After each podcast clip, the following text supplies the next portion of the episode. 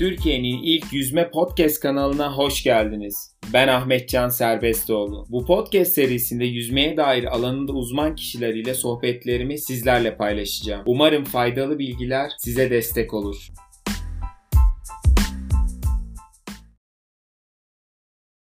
Merhaba Yüzme Defteri dinleyicileri. Bugün yeni bir yayınla karşınızdayız. Çok değerli bir konuğumuz var. Ee, Katerina Hanım ve çok güzel de bir konuğumuzun yanında konumuz var.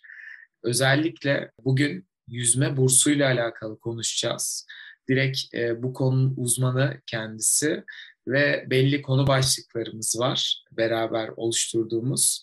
Bunun üzerine sohbetimiz başlayacak. Merhaba, nasılsınız? Merhaba, iyiyim. Teşekkürler. Öncelikle vakit ayırdığınız için teşekkür ederim Katerina Hanım. Katerina diyebilir miyim bu arada? Tabii ki, tabii ki. Evet. Kendinden bahsedebilir misin Katerina? Ee, ne yapıyorsun? Bugünkü konularımız hakkında da ben birazcık e, giriş yaptım ama daha detaylı da zaten konuşacağız. Tabii ki. Seve seve kendimi tanıtacağım. Adım Katerina Can. Ben dil bilimci ve çilmeniyim. Tamamen ana dil olarak beş tane dil biliyorum. Ee, çevirmenlik yapıyorum. Ee, İngilizce öğrenimleri için kitapları yazıyorum. Aynı anda UC San Diego sertifikalı eğitim danışmanım. Ee, öğrencilere ve sporculara özellikle Amerika, Kanada ve İngiltere de okuma konusunda yardımcı oluyorum. Doğru bir yol gösteriyorum ve danışmanlık yapıyorum. Harika gerçekten. Burada özellikle birçok sporcu ya da spora başlayan birçok kişi birçok hedefle yola çıkıyor. Bunlardan bir tanesi de eğitim hayatında yüzmenin katkısı ve bu e, yüzmeyle beraber e, birçok burs e, kazanılması. Ama tabii burayı doğru yönetmek gerekiyor. Doğru bilgi alınması gerekiyor ki doğru bir şekilde ilerlenilebilsin. Daha önceden hatta Ümitcan Güreş'le bir podcast yayınımız vardı. Harvard'a kabulü konusunda birazcık bahsetmişti. Ama tabii profesyonel bir kişinin e, bu konuda desteği de gerekiyor diye düşünüyorum. E, peki şöyle yani e, Amerika'daki üniversiteye kabul edilmek ve yüzme takımında yüzülebilmesi için özellikle ya da Kanada'da ya da başka bir yerde e, ne gereksinimler gerekiyor? Hem akademik anlamda hem e, atletik anlamda bunları bize aktarabilir misiniz? Tabii ki. Bunları mesela Amerika'daki üniversiteye kabul edilmek ve yüzme takımında yüzebilmek için her yüzücünün belli bir akademik veya atletik gereksinimlik karşılaşması gerekiyor. Ee, bunlardan ben tek tek kısacası bahsetmek istiyorum. Mesela, Çok seviniriz. Tabii, tabii. Mesela akademik gereksinimlere gelince ilk önce İngilizce çevrilen bir okul transkripti gerekiyor. Mesela çoğu özel lisede İngilizce okul transkripti mevcut ama genelde devlet liselerinde sadece Türkçe okul transkripti mevcut. E, durum buysa yüzücü okul transkripti İngilizceye çevrildi. Bundan sonra başka önemli bir akademik şartı var. Bu e, puan ortalaması. Bu Amerika'da okumak için çok önemli. 100 üzerinden en az 85 ve üzeri olmalı. Bir de tabii ki Türk yüzücüler, yabancı öğrenciler olduğu için kendileri İngilizce yeterli tespit etmeleri gerekiyor. Mesela Amerika'da genelde okullar üç tane sınav kabul ediyor. İngilizce yeterlilik sınavları. En önemli IELTS Akademik, uh, IBT ve daha yeni ortaya çıkan Duolingo English Test. Bu tabii ki pandemi yüzünden çok uh, güzel bir, bir seçenek oldu çoğu yabancı öğrenciler için. Yani daha böyle rakamlara geli, gelmek gerekirse mesela TOEFL'ten yüzücü 120 en az 80 ve üzeri almalı. IELTS akademikten 9 üzerinden 6.5 almalı. Ve Duolingo English testten 160 üzerinden 120 ve üzeri. Yani bu çoğu okullarda zaten bu rakamlar yazılıyor ve her yüzücü ve her oyuncu bunları bulabilir. Tabii ki e, maalesef bazı akademik şartları daha var. Mesela ACT sınavı ya da ACT sınavı gibi. Aslında biz onları üniversite giriş sınavı olarak görebiliriz. Aslında çok kolay bir sınav, sınav değil. E, ikisinin arasında belli bir farklılıklar var. Ama yine yüzücü kendi akademik düzeyine göre bir, bir sınav seçebilir ve oralarda da belli bir puan alarak e, çok e, güzel bir baş, başarılı bir başvuru yapabilir. Ve tabii ki e, pandemi hala pandemi döneminde e, bazı ACT, bazı okullar ACT sınavı istemiyor. Çünkü mesela e, sonbahar 2022 ya da sonbahar 2020 e, çoğu okullar ACT opsiyonel test politikaları sunmaya başladılar. Aslında bu çok güzel bir şey yüzücüler için çünkü hem vakit kazanabiliyorlar hem sadece İngilizce ile uğraşıyorlar. Ama tabii ki bu e, opsiyonel test, opsiyonel politikaları buradan okula değişiyor ve burada biraz dikkatli olmak gerekiyor. E, bundan başka mesela sadece sporcular için e, her okul e, bazı e, ekstra akademik gereksinimler istiyor. Mesela NCAA temel dersi. Bu nedir mesela? E, bu Ulusal Kolej Atletik Birliği'nin her sporcunun istediği bazı temel dersi. Aslında normalde Türk e, okullarda bütün öğrenciler temel dersleri zaten okuyor. Onları seçmelerine gerek yok. Çünkü zaten okulda var bir soru sormak istiyorum tam konuyla alakalı. Mesela ben de e, üniversite döneminde işte Erasmus'a gitmiştim. Orada buradaki derslerin denklik döne şeyiyle e, işte Amerika'daki denklik bazen hani böyle uyuşmama durumu oluyor mu? Çünkü mesela devlet okulunda okuyor bir yüzücü ve başarılı işte İngilizcesi iyi ama e, burada e, international bir e, exam sınav mı lazım olması gerekiyor? E, onu bir merak ettim. Yani ya da aynısı denk oluyor mu? Mesela Amerika'ya bakarsak aslında denk aynısı olabiliyor. Mesela ama öğrenci sporcu SAT ya da SAT sınava girmeli kendi akademik düzenini kanıtlamak için. Ee, Kanada'da aynı durum geçiyor ama mesela İngiltere bazı devlet liseleri o dersleri kabul etmiyor. Bu yüzden çoğu Türk öğrencileri bir senelik ekstra e, eğitim al, almaları gerekiyor. Bu yüzden aslında Amerika'da, Kanada'da bu konuda daha rahat ama İngiltere'de biraz daha zor. Şimdi akademik bir gereksinim sağlamamız gerekiyor. Özellikle burada yüzücüler için de yüksek bir tempoda e, bir antrenman programları oluyor. Ama okul hayatında da başarılı olmaları gerekiyor. Yani sadece anladığım kadarıyla şu ana kadar yüzmeyle gidemiyorlar. Yani ne kadar yüzme başarılı da olsa iyi bir İngilizce, iyi bir e, akademik olarak da başarı sağlanılması gerekiyor. Bu disiplinde de e, çalışılması gerekiyor. E, anladığım kadarıyla şu ana kadar anlattığınız şeyde. Peki akademik gereksinimlerde gayet iyi bir başarı elde ediyor yüzücü. Peki atletik olarak bize ne tür gereksinimler e, lazım? Yani e, sıradan bir yüzücü mü gidebilir? Ekstra ne yapması gerekiyor bir yüzücü ki burada e, yüzmenin pozitif bir katkısı olsun? Sırada bir yüzücü gidebilir ama onun e, okul başvurunda yüzme normal hobi gibi gözükecek. Evet yani ama, sıradan yanlış evet. oldu. Sporu evet. büyük bir e, yüksek performans değil ama e, yüzebilen birisi ya da yapabilen birisi tarzında demek istedim ama e, atletik olarak ne gereksinim sağlıyor? Yani e, zaten bildiğiniz gibi mümkün olduğu kadar bir yüzücü çok güzel yüzme derecelerine sahip olmalı. Tabii ki bu mesela milli takımda yüzebilen, e, hatta belki Avrupa Dünya Şampiyonası'na katılabilen bir yüzücü ya da dahası en yüksek seviye zaten olimpiyada katılmak. Hı. Ama bunlar tabii hepsi çok güzel ama gerçek hayatta tabii herkes bunu yapamaz. Bu yüzden orta seviye bile yeterli oluyor.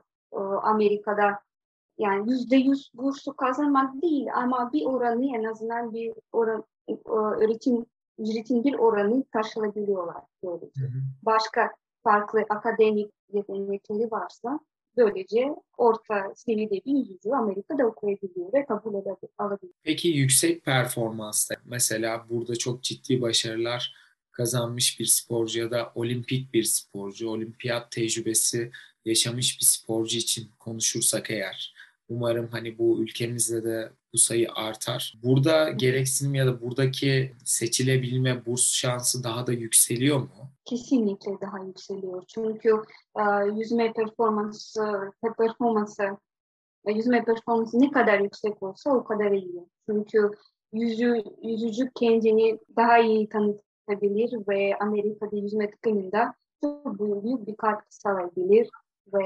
yarışlarında büyük bir puan kazanabilir. Kesinlikle. İşte sanıyorum burada da hani sizin gibi bir profesyonel birisi yardımcı olması gerekiyor ki o tanıtma işlemi daha kolay olsun. Yani sonuçta evet hani yüzme ve akademik başarı ve atletik başarı gereksinimleri oraya karşıya doğru aktarılması da gerekiyor. Doğru bir şekilde başvuru sürecinin yönetilmesi gerekiyor. Yüzücünün bu konu gerçekten çok değerli bir konu. Peki mesela yüzücünün başarılı başvuru profili nedir? Yani başarılı bir başvuru oluşturabilmemiz için gerçi birazcık saydık ama buna ek bir şeyler var mı acaba? E, tabii ki. Daha önce saydığınız gibi işte güzel iyi notlar, güzel okul e, not ortalaması, İngilizce yetenek sınavında çok güzel puan ya da SAT, SAT sınavında çok güzel bir elde ettiği çok güzel bir puanı ama bunun yanı sıra mesela bir yüzücü çok güzel bir okulda, çok seçici bir okulda yüzmek istiyorsa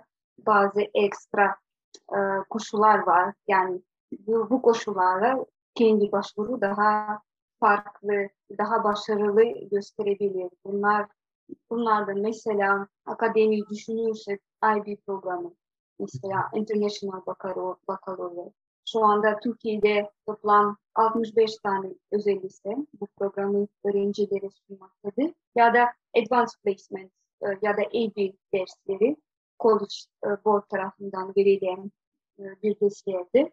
Onlar sayında yüzücü de kendini daha başarılı gösterebilir, gösterebilir okul başvurunda. Bu gereksinimleri yani akademik ve atletik gereksinimleri e, şimdi podcast yayınında olacak, YouTube yayınında olacak. E, belki açıklamalar kısmına da hani bu exam sınavları ekleyebiliriz. Hani oradan da birazcık daha, daha hakim olunabilirler. Çünkü mesela siz o kadar çok söyle bir şeyler söylediniz ki ben bile kafam karıştı.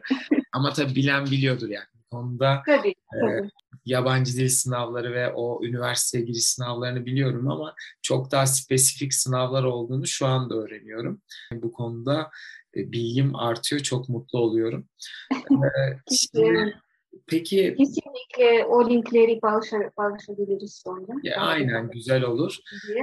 Peki NCAA nedir? NCAA Division ve yüzme takımlarının sayısı hani bu konu hakkında birazcık konuşmak istiyorum. E, ligler oluyor, yarışmalar oluyor. Evet. İşte hmm, havuz uzunluğu falan birazcık daha farklı orada yard e, olarak. Tabii. 25'lik yardlar var. Biraz kafa evet, karıştırıcı. Birazcık daha kafa karıştırıcı. Mesela şeyi düşündüm. Şu anda aklıma geldi. Mesela buradaki derecelerle oradaki dereceler birazcık daha tabii farklı oluyor yarda göre. Bu nedir olarak? Yani birazcık bu konuyu açabilir miyiz? Tabii ki. Mesela Amerika'da çoğu 4 senelik college ve 4 senelik üniversite NCAA'in bir e, üyeliği. Mesela NCAA ya da The National Collegiate Athletic Association ya da Türkçesi Ulusal Kolej Atletik Birliği. E, bu karamacı gütmeyen bir organizasyondur ve Amerika'da üniversitelerin bütün atletik e, yarışmaları düzenler, yönetir ve neredeyse üniversitede sporlarda yarışan en az 500 bin öğrenci sporculara yardımcı olur. Bu çok büyük bir organizasyon, çok ciddi, bir sürü kural var. Hem e, sporcular için hem e, antrenörler için. Ama uzun lafın kısası bu organizasyon üç bölüme ayrılıyor. Mesela bölüm 1, bölüm 2 ve bölüm 3 ya da bu bölüme division diyebiliriz. İngilizcesi. Bu e, division'e arasında bazı farklılıkları var. Yani onlardan da biraz kısacası bahsetmek istiyorum. Yüzüleri daha anlasınlar diye. Mesela Division 1 okulları daha çeşitli akademik programları sunar. Daha fazla sporcu sayısına sahipler. çok büyük atletik bütçeleri yönetir ve bu yüzden en fazla atletik burs sunar öğrencileri, sporculara. Ve şu anda Division 1 1'de toplam 250 okul var. Onlar dediğim gibi atletik burs sporcular sunuyorlar ve genelde spor yoğunluğu daha fazla ve onlar başka divizyonlara nazaran daha rekabetçi, daha başarılı. Antrenör kadrosu çok. Mesela Division 1 okulunda genelde bir baş antrenörü var, iki tane asistan koçu var, işte recruiting koordinatörü, hatta bazı gönüllü asistan koçları var. Yani çok büyük bir kadro var ve genelde havuz 50 metrelik havuz oluyor. Çok çeşitli atletik tesisleri de bulunmaktadır bu okulda. Ve e, Division 2'ye gelince bu okullar yine güzel akademik programı, programları sunuyor. Yine atletik e, programları var ama Division 1'e nazaran biraz daha Hayır. daha yani az bir, belli bir lig gibi yani hani lig 1, lig 2, lig Evet. 3 gibi algılıyorum ben. Ama lig 1 e, birazcık daha Division 1 daha zorlu. Division 2 birazcık daha hani orta tempoda. Division 3 Orta, birazcık evet. daha ama burada 3'ü de hani bir ne kadar zor olsa da 3 de önemli yani sonuçta anladığım kadarıyla. Yani İki, tabii, bir tabii. düşünülmemesi lazım. Burada tabii ben de mesela belli dönemlerde özellikle büyük koçların bu NCAA mesela şampiyonalarını işte o kutlamaları falan çok bayağı büyük onlar için yani o özellikle Division 1'deki o birincilik e, onlar için aşırı değerli. Zor bir lig anladığım Evet. orası da yani. Tabii çok zor. Peki Rekabetçilik sadece akademik birisi mi oraya girebiliyor? Yani sadece mesela okuyan bir çocuk mu girebiliyor Division 1'e? Örnek veriyorum okulun bitiren de Division 1'de yarışabiliyor mu? Biraz Evet, spesifik Sadece soru. o okulda e, okuyan bir sporcu o divizyona ait. Yani sadece dediğim gibi dışarıdan kolej sisteminde kolejde okuyan sporcuların oluşturduğu bir lig. evet, ve sadece o kolejde ya da üniversite okuyan sporcu katılabiliyor. Dışarıdan gelen bir sporcu değil maalesef. Ee, Peki ben mesela örnek veriyorum bu atletik gereksinimlerime bakıp Division 1, Division 2 ve Division 3'e ona göre mi başvuruda bulunuyorum yoksa hepsinde şansımı deniyor muyum? Aslında buna daha geleceğiz. Asıl e, bu e, üç division arasında Ha, bir evet. karar verirken bir yüzücü daha böyle gerçekçi olmalı ve kendi yüzme derecelerine göre zaten anlayacak hangi division'da uygun olmalı. Yani şöyle burada Division'da yüzme derecelerinin yeterlik standartları var değil mi? On, onlara göre zaten anlayacak ve ben daha detaylı anlatacağım. Ve e, şimdi bir de Division 3'ten biraz bahsetmek Tabii istiyorum. ki, Çünkü tabii ki. çok önemli bir farkı var. Mesela çoğu yüzücü bunu bilmez. E, mesela atletik burs çok önemli ve yüzücüleri bunu akllarında tutmalı. Atletik burs sadece Division 1 ve Division 2 okullar verip vermektedir. Division 3 okulları atletik burs vermiyor. Sadece akademik tekrar edelim. Atletik bursu, yüzücü bursunu doğru mu? Evet, Division 1 ve Division 2'deki okullar veriyor. Belki hani onları da Evet. listeleyebilirsek, açıklamalara koyabilirsek koyalım bence. Tabii ki. Sadece aslında yüzme bursu verebilecek şeyler bunlar.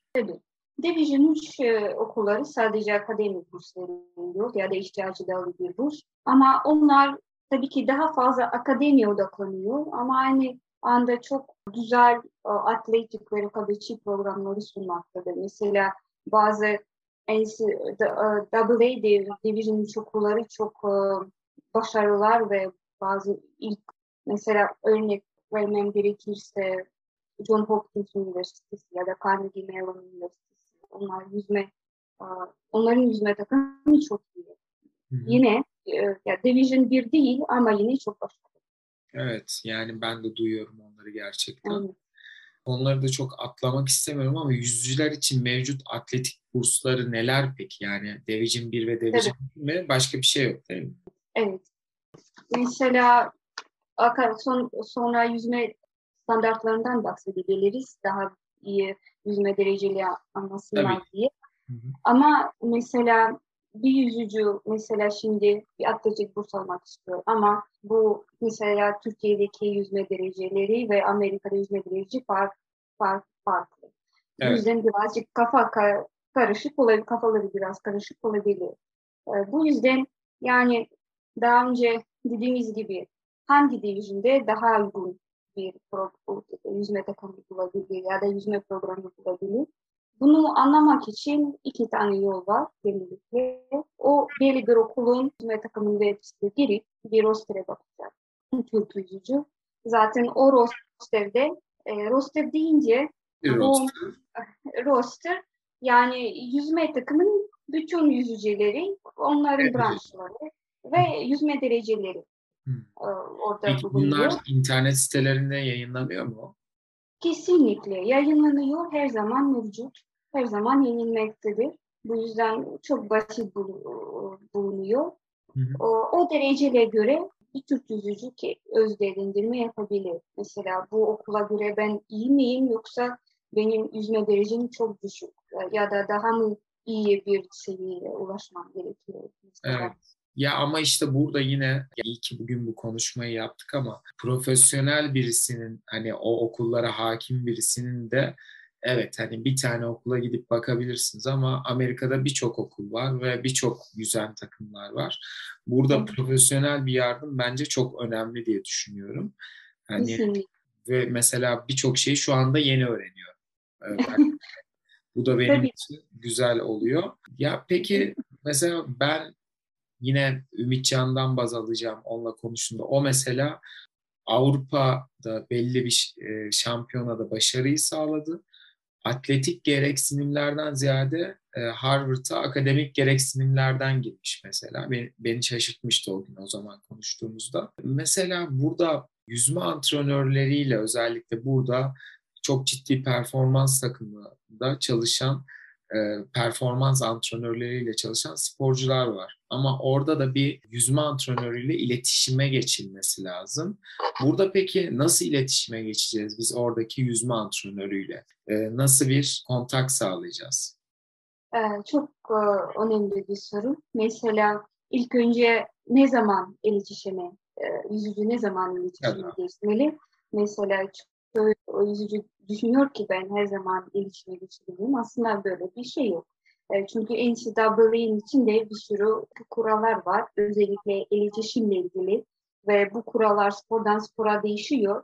Ama yüzmeye bakarsak mesela lisedeki bir yüzücü 10. sınıfın sonunda 15 Haziran'dan sonra yüzme antrenörü yazabilir. Evet. Mesela böyle bir kur, kural var. Ve tabii ki ona yazmadan önce ama belli bir bilgileri toplaması gerekiyor. Çünkü hazır olması gerekiyor. Mesela bu bilgiler nedir? Birinci doğru bir online atletik profili ve veya e, sporcu seviyesi. Yani o seviyede kendini tanıtacak yüzme dereceleri, işte katıldığı yarışlar, kendi e, yüz, yüzme sporunda e, başarılarını anlatacak. Bir niyet mektubu gibi bir şey anladığım kadarıyla. Ee, daha böyle rak, e, tabii rakamsal aslında daha böyle işte katıldığı yarışlar, dereceler, best time gibi e, rakamları paylaşacak. Bunun dışında tabii ki çok güzel bir araştırma yapmalı. Mesela o okul hakkında, akademi, okumak istediği bölüm hakkında ve tabii ki yüzme tıkanı hakkında. Çünkü onun antrenöre yazacak e-mail personal olmalı. Yani kişisel o mesela sadece hi coach ya da hello coach e, yazabilir ama ben tavsiye etmiyorum. Çünkü yani aslında koçun ismi yazmak e, daha güzel e, kişisel olsun diye. Bundan sonra kendini tanıtacak, neredesin, hangi kulüpte gidiyorsun, hangi branşlarda Sonra tabii ki akademik başarıdan da bahsedecek ve her zaman o, onun mektupları kibar, saygılı olmalı Hatta yine burada profesyonel bir dokunuş lazım aslında. Tabii yani, ki. Çünkü bir e, revize edilmesi lazım. Biz ne kadar hani bunu e, kağıda döksek de burada oradaki karşı kişinin yani yüzme antrenörünün sonuçta bir onayı gerekiyor. Ve burada da onun gibi düşünme düşünülmesi de gerekiyor. Yani karşıda bir iş başvurusu gibi e, Kesinlikle. Tabii. Tabii. Ve iyi bir şekilde de bir donanımlı bir şekilde hazırlanılması gerekiyor. Evet. Ve diyelim ki yüzü, bir yüzücü bir ilk mektubu attın ve olumlu bir cevap geldi. Olumlu bir cevap nedir? İlk önce Amerika'da e, 100 metre yürü dönüş yapıyor. Çünkü bu durumda bazen dönüş olmayabilir ya da olabilir. Diyelim ki e, olumlu bir cevap geldi. Normalde e, 100 metre yürü belli bir form, yüzücüden belli bir form bulunmasını isteyebilir. Ve sonra telefon, Zoom ya da Skype görüşmesi e, ayarlamak isteyebilir. Tabii ki onlar yüzücü ve antrenör kendi aralarında uygun bir gün ve tarih ve saat seçiyorlar. Çünkü Türkiye ve Amerika arasında büyük bir saat farkı var. Onu da e, etmek gerekiyor. Ve tabii ki bu görüşmesinden önce çok güzel, bir yüzücü çok güzel bir hazırlık yapmalı. Çünkü bu görüşme boş boş geçmesin. Daha Buraya yani lazım. tabii yine o okul hakkında, yüzme takımı hakkında ha, ha, bilgili olmalı. Tabii ki belki kendi soruları hazırlanmalı. Merak ettiği soruları varsa. Ve koçlarla yine böyle e, kibar olarak konuşmalı, yetişkin gibi. Ve tabii ki sadece yüzücü konuşmalı. Onun babası, annesi ya da antrenörü değil. O kendisi konuşmalı. Evet. Çünkü bu zor oluyor. E, ya şöyle hatta böyle bir problem yaşayan birisini duydum hatta ve yaklaşık olarak bir sene kayıp yaşadı. Yani çok iyi bir sporcuydu evet. ve böyle bir hedef vardı. Ve tam burada takıldı o prova kısmında. Hani heyecan yapmadan emin bir şekilde iyi bir prova ile beraber karşılarına çıkılması gerekiyor. Hani burada evet seçici olan onlar ama sonuçta bizim fikirlerini değiştirecek ya da oluşturacak şey duruşumuz ve hazırlığımız. Tabii söylediklerimiz e, bu çok önemli. Bu yüzden bu görüşmelerden önce çok güzel hazırlık yapmak gerekiyor. Böylece görüşme Zoom ya da Skype görüşmesi daha az stresli geçebilir. Evet. Evet, e, birçok konudan konuştuk. Bir konu da bir kavram da recruiting kavramı. Birazcık bunu açmak istiyorum. Özellikle e, bu konuda yüzücüler tarafından sık sık yapılan yanlışlıklar var. Önce bu kavramı ele alalım isterseniz. E, bir birazcık bu kavramı açabilir miyiz acaba? Tabii ki. Amerika'da bu kavram çok yaygındır ama tabii ki Türkiye'de yüzücüler e, bu kavramı fazla bilemezler. Recruiting ya da aslında Amerikan yüzme antrenörün kendi yüzme takımına uygun bir aday yüzücü arama, seçme e, ve seçme sürecidir. Bu yüzden bu aslında hem antrenör için geçerli hem de yüzücü için geçerli. Yani onlar birbirini bulmalı ve çok uygun bir e, mesela yüzücü çok uygun kendine uygun bir okul bulacak ve antrenör kendi takımına çok başarılı bir yüzücü de bulacak. İkisi de win-win oluyor. Herkes mutlu oluyor ve böylece bu süreç bitiyor.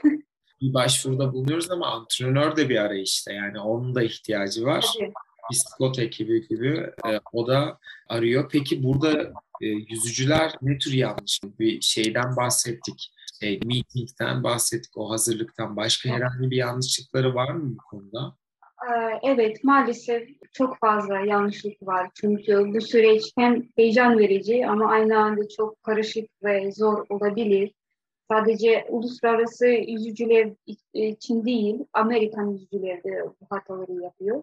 Benim gördüğüm en, en yaygın hatalardan biri e, geç kalmak. Mesela yüzücüler 12. sınıfa kadar bekliyor ve 12. sınıftayken yani uzun ol, ol, olmasına yakın bir zamanda bir karar veriyor. Ben Amerika'da işte okumak istiyorum, yüzmek istiyorum. Aslında bu zamanda tamamen süreç bitiyor. Bu yüzden ne zaman bir ön plan yapılması gerekiyor? Yani bu hazırlık dönemi yapılması gerekiyor. En iyi ihtimal aslında 9. sınıftan itibaren e, hazırlık yapması gerekiyor. Hem yüzme sporunda hem de akademik kısmında. En ideal e, durumu budur. Yani aslında şöyle yine ben birkaç tane örnek biliyorum. Çok başarılı sporcular bu hazırlığı çok geç başlayıp istenilen sonucu e, alamayan kişiler vardı. tanıdıklarım. Ve burada aslında müdahale ve hedef baştan koyulması gerekiyor ki burada daha rahat bir geçiş olsun. Tabii ki yani lise 9. sınıftan itibaren o hazırlık yapılmalı. Yavaş yavaş böylece daha az stresli olacak. Hı. Ve bundan da zaten ikinci yanlışlık çıkıyor. E, aktif olmamak. Mesela yüzücüler aktif değil. Tam kararlı da değil.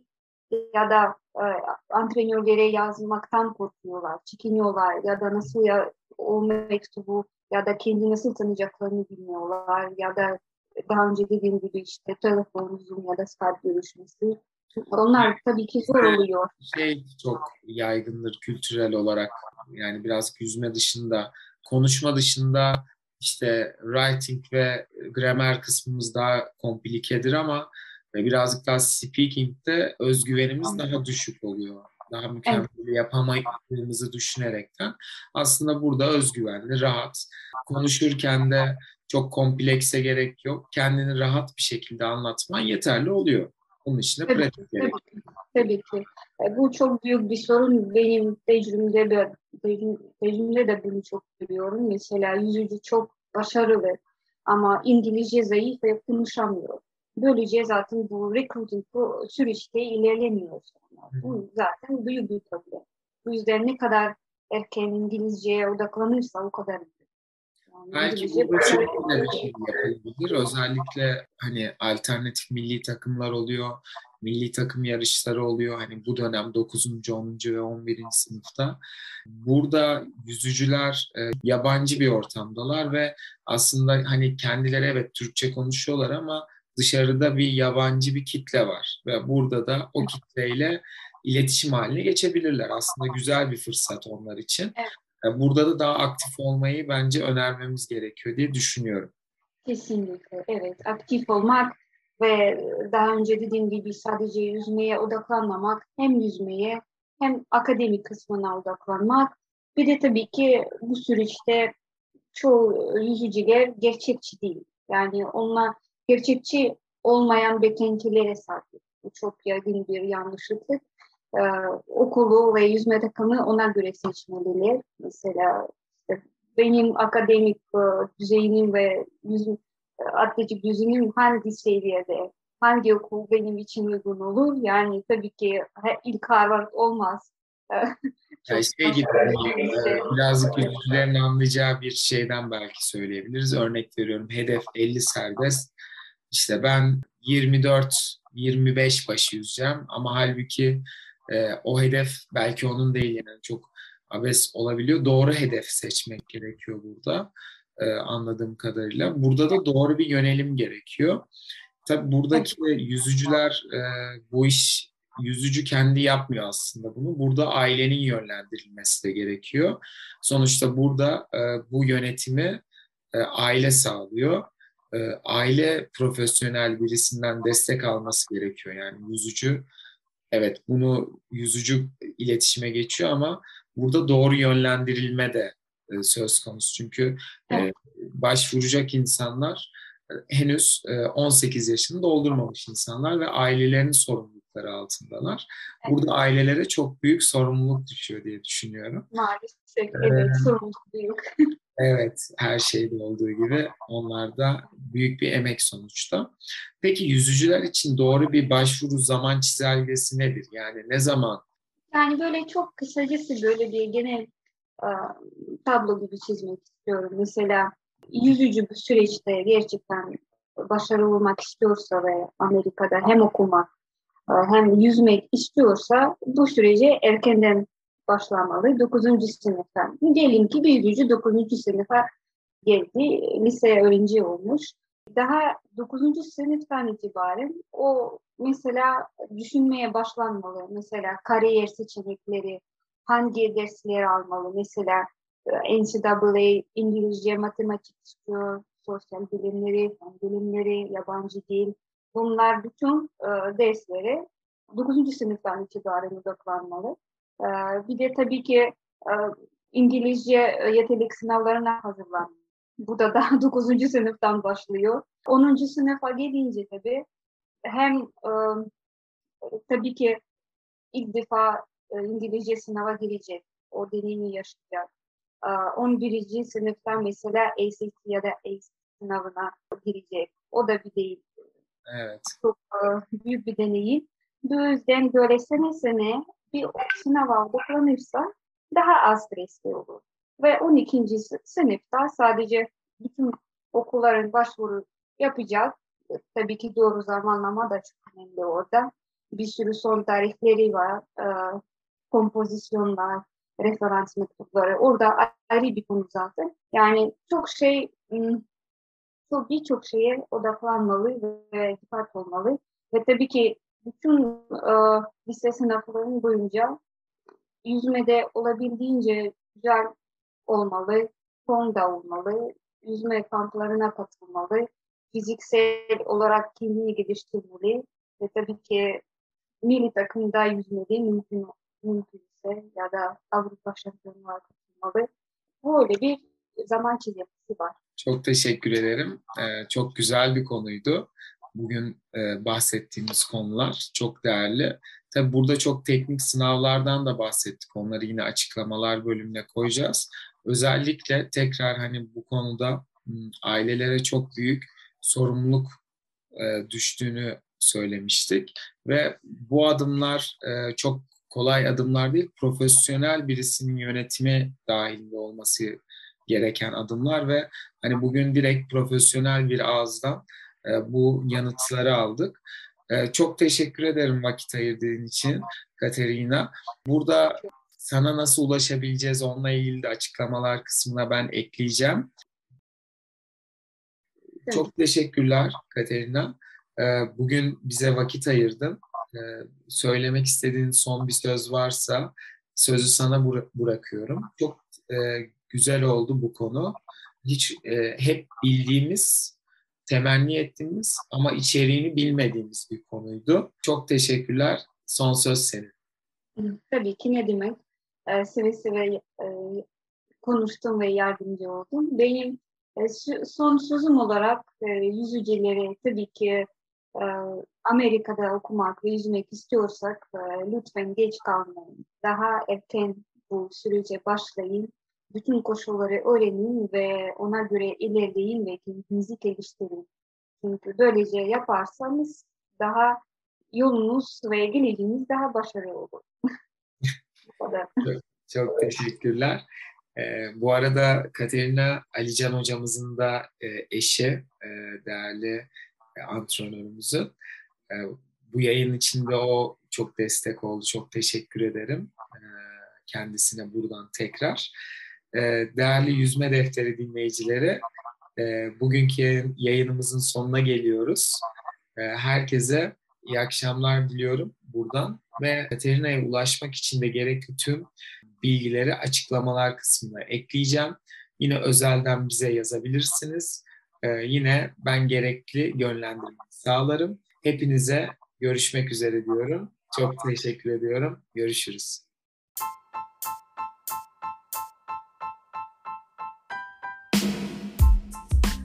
Bir bölümün daha sonuna geldik. Yüzme defterinin en güncel konuklarını takip etmek istersen Instagram sayfamızda seni bekleriz. Hoşçakalın.